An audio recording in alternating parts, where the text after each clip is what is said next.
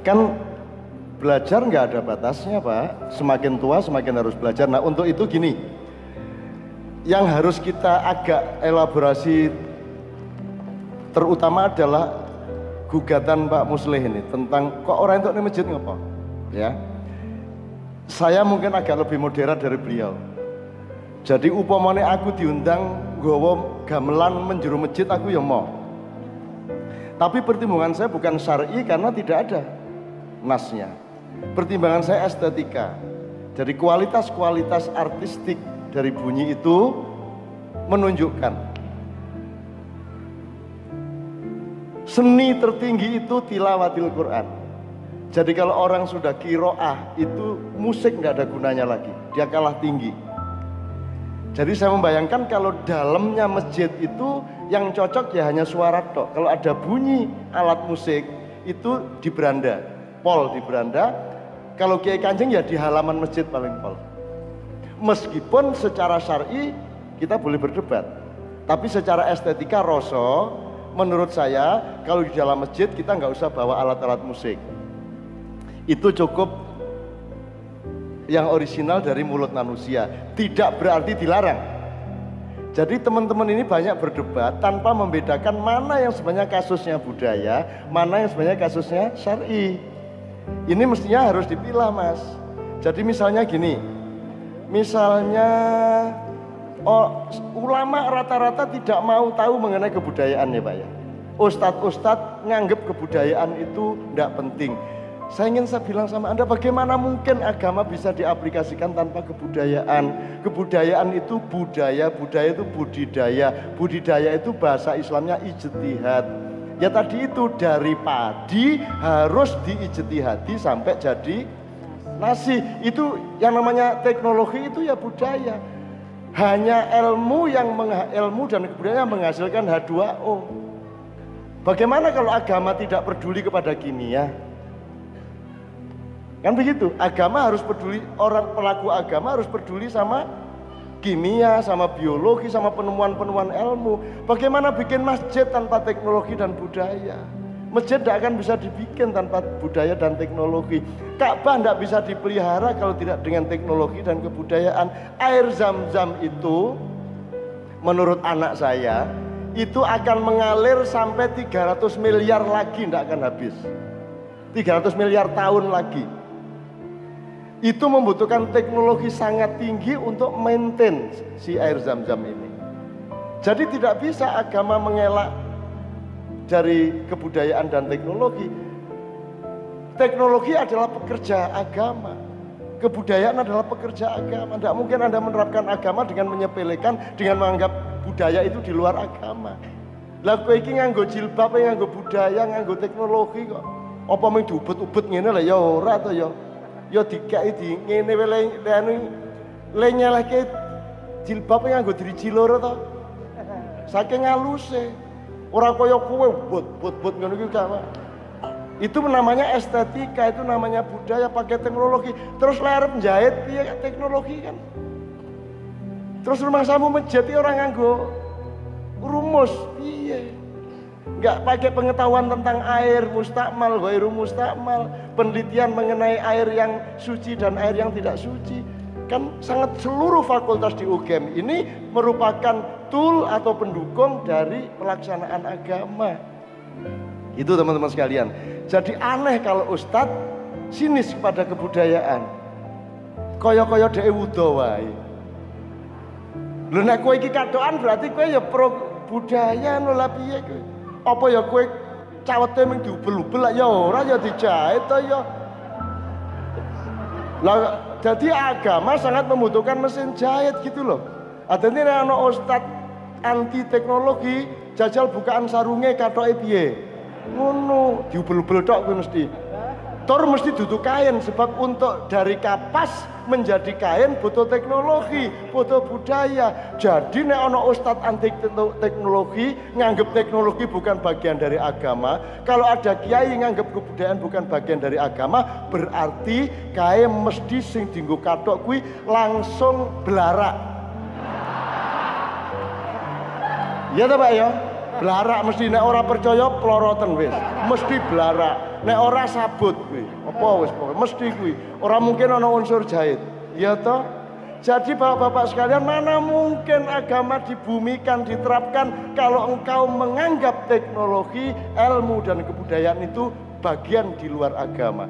They are include, they are part of religion application. You understand? Ten. Jadi Pak, soal kebudayaan sudah Pak ya, soal masjid, saya kira perlu simposium dikit-dikit lah berkala. Menurut saya oke. Okay Yo aja njur saiki ketoprak pentasnya masjid yo aja ya toh. Menurut saya itu bukan masalah syar'i nomor satu, menurut saya itu masalah budaya dan kesepakatan norma. Setiap daerah boleh berbeda-beda. Misalnya nyuwun sewu ya, tak kasih, saya bahkan bisa nyetelin ke anda. Misalnya, Idza quri'al Qur'anu fastami'u lahu wa ansitu la'allakum turhamun. Ini nafsir kene loh. Kalau di Indonesia asal orang baca Quran meneng. Paling ku nek walimun terus jamae Allah paling tok. Ya saiki nek Allahe rada dhuwur entuk ora? Aku engko tak setelke lho. Dolek ono YouTube oke banget lho ora ning Allah. Entuk ora? Uh, misalnya ini uh, apa? Wa kul ja'al haqq wa zaqal batil. Innal batila kana zahuqa. Yes! Yes! Entuk ora entuk ora Mulane aja pekok-pekok banget. Mari kita runding bareng-bareng. Di setiap bangsa, di setiap komunitas ada kesepakatan norma sendiri-sendiri. Kalau Anda ngelihat ke Mesir sama Iran, itu orang baca Quran le nyelingi gini sweet sweet sweet we ono dan itu ekspresi Bener ya Allah, bener ya Allah. Nah itu caranya bener kan orang menganggo bener. Iso nganggo yes, iso nganggo weh weh iso nganggo sweet sweet. Bener tak kui? Sekarang naik kue ngomong sweet sweet kui haram. Kue lah ngelarak nih Gusti Allah. Apa sebabnya? Lah rumah mang sweet sweet ini nganggo sweetan, lah nganggo dri apa? Lambe karo ilat to kui. Ngene to? Ya to? Lah Gusti Allah kuwi bahwa penempatannya kita atur, ayo dirunding. Tapi ojo sembarang salah, sembarang salah. Wong salaman bar sholat salah. Coba to. Wong wis bar sholat kok. Nek wis bar sholat ki ngiseng we ento. Kok bar sholat salaman ra ento. Ya Allah, saya ora ento ngiseng neng masjid. Ya Allah, kok sholat bar sholat kok salaman ra entuk. Ning ya aja njur kebangetan saking senenge salaman, ketemu ning masjid salaman, arep sembayang salaman sik. Selesai sholat salaman meneh, ngadeg salaman meneh, arep bali salam ya suwe ya kukean kuwi. Ning nek salaman di luar sholat ya ora apa-apa sing ora entuk ki Allahu Akbar. Ya kabare le. Bismillahirrahmanirrahim. Ya ya oke. Alhamdulillah nek kuwi sing ora entuk. Nek bar assalamualaikum, assalamualaikum terus salaman kok ora entuk ki lho. Melet kok. Assalamualaikum, assalamualaikum. Entuk. Jan. Kan sesudah sholat, bukan dalam sholat. Bukan di dalam sholat, enggak apa-apa. Lo Rasulullah tidak pernah melakukan. Lo Rasulullah ya ora tahu macam-macam. Ngopo wis becak ya ora tahu. Ndodok kaya kowe ngene iki ora tahu.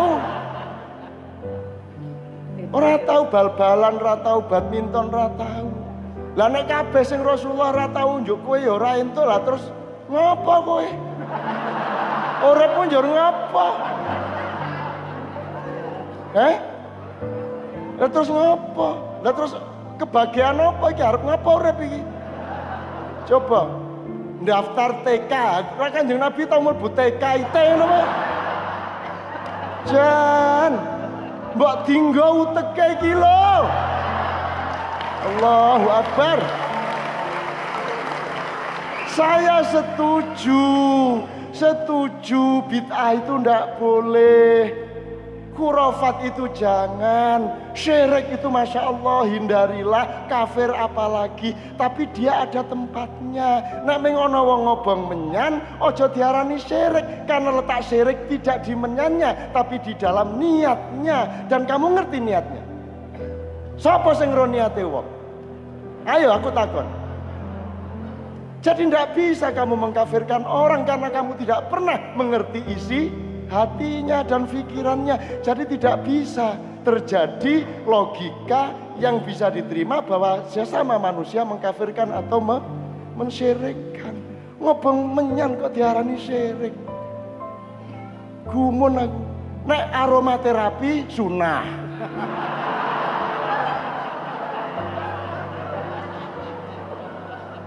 Piye? Nek ana dukun ngene-ngene kurofat ning nek massage sunah. Ngono ya. Enake dhewe arek-arek iki. Gitu loh. Tolong ya ini tak kita perpanjang contohnya oke banget loh iki. Ning pokoke mari kita bikin gerakan Islam anti pekok ngono ya. Oke, maka tidak ada kemungkinan kecuali menolong Prabu Brawijaya Prabu, Prabu Brawijaya kelima untuk dibikinkan negara yang baru. Ya satu. Dan itu dilakukan oleh Sunan Kalijogo atas kesepakatan Sunan Am, eh, Sunan Sunan Ampel dengan semua wali songo. Kemudian dibikinkan negara persemakmuran Demak. Pemeran utamanya adalah putra-putra dan tokoh-tokoh Mojopahit jadi rajanya anaknya Brawijaya, pangapnya anaknya Brawijaya, pimpinan-pimpinan daerahnya di seluruh Asia Tenggara adalah putranya Brawijaya. Artinya orang yang memang secara akseleratif, transformatif memiliki pengalaman untuk untuk memimpin tanah-tanah perdikan dan yang mengatur distribusi teritorialnya adalah Sunan Kalijogo. Yang dilakukan beliau yang pertama adalah mengislamkan pangapnya dulu mengislamkan pindat pembikin empu senjatanya yaitu empu supo dan empu supo anom di Islam kese barkui TNI tokoh-tokoh pangapnya tokoh-tokoh TNI elitnya Mojopahit di diajak untuk membuat konsep dengan melalui Islam. Bukan harus masuk Islam tapi memperkenalkan konsep kenegaraan Islam yang bukan negara kesatuan yang feodal dan mewajibkan daerah untuk memberikan upeti seperti NKRI sekarang ini. Kemudian baru keluarganya Brawijaya diperkenalkan kepada Islam ketika parlemen Mojopahit dikasih tahu tentang Islam. Ada yang mau, ada yang tidak mau. Yang mau kemudian dipimpin Sunan Kudus, Bedol Negoro dari Trowulan ke Demak. Nah ini akhirnya menjadi P3, PKS, PAN dan lain sebagainya. Terus yang Prabu Brawijaya kelima mau masuk Islam tapi tidak kemislam-islam, tapi tidak terus serbanan, gamisan ora wis tetep kaya wong Jawa ning gelem nrimo Islam. Potong rambut rapopo ning tetep apa namanya? Tapi tetep orang sithik-sithik astagfirullah. Astagfirullah, ora ngono-ngono kuwi. Jadi ini yang tengah ini menjadi Golkar. Ya. Terus yang ketiga yang menolak Islam, menolak Islam di situ dipimpin oleh di daerah selatan dipimpin oleh Sabdo Palon Noyo Genggong kelak menjadi PDIP, gitu kan? Nah, tapi PDIP yang sekarang sudah bukan seperti Sabdo Palon Noyo Genggong. Jadi Sunan Kalijogo mengatur transformasi negara ini bukan untuk berkuasa, karena Sunan Kalijogo tidak pernah mau menjadi raja. Gitu loh. Maksud saya kalau 2014, 2015 oleh Allah diperkenankan kita semua para spiritualis, para mujtahidin bisa ikut mengatur, maka yang terjadi bukan seperti konvensi politik yang ada sekarang. Saya mohon UGM dengan masjidnya, dengan kumpulan intelektualnya bersinergi. Yang di masjid, yang di luar masjid bersinergi untuk Indonesia Raya, betul enggak? Dengan jadi sing Kristen, sing Islam, sing Buddha, siapa saja bersinergi maupun yang sekuler, mau siapa saja lah sakarepmu lah. Sing pokoknya bareng-bareng membangun Indonesia Raya. Maka puncak acara kita nanti harus Indonesia Raya.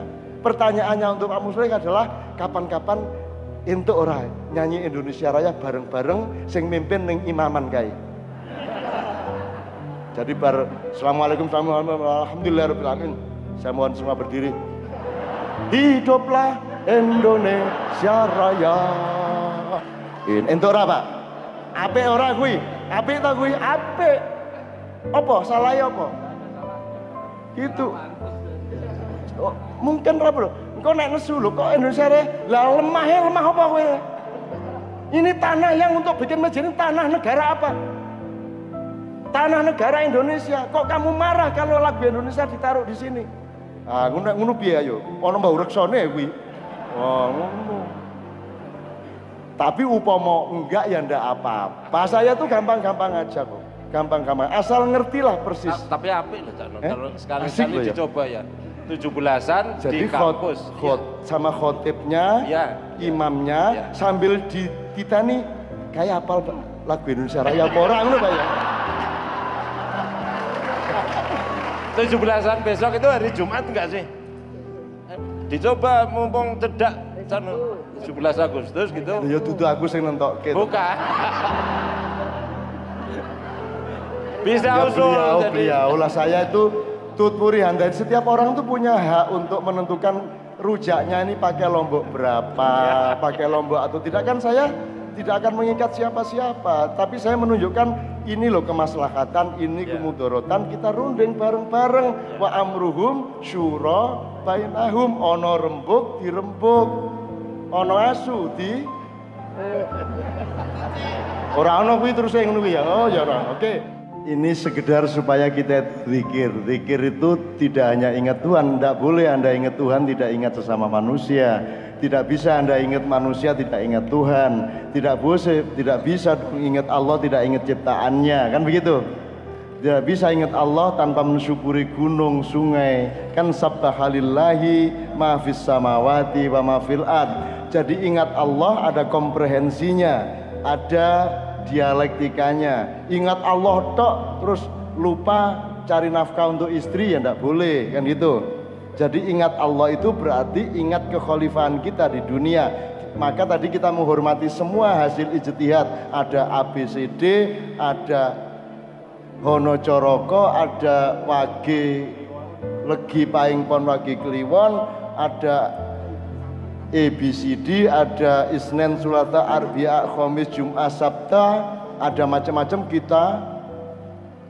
Ojo terus nek legi paing pon wage kliwon dituduh primbon, primbon kuwi sirik. Dan kusik to kowe iki kan dalam kimia ada H2O, ada H2SO4, ada NH3, NH2, itu semua kan penemuan-penemuan satuan-satuan yang memahami, berusaha memahami kekayaan-kekayaan entitas yang dihamparkan oleh Allah Subhanahu wa taala. Bahwa legi paing pon wage kliwon diselewengkan menjadi sesuatu yang sifatnya gugon-gugon mungkin sama dengan ABCD juga bisa diselewengkan menjadi takhayul. Itu kan? Jadi teman-teman sekalian mari kita belajar objektif dengan mempelajari semua itu.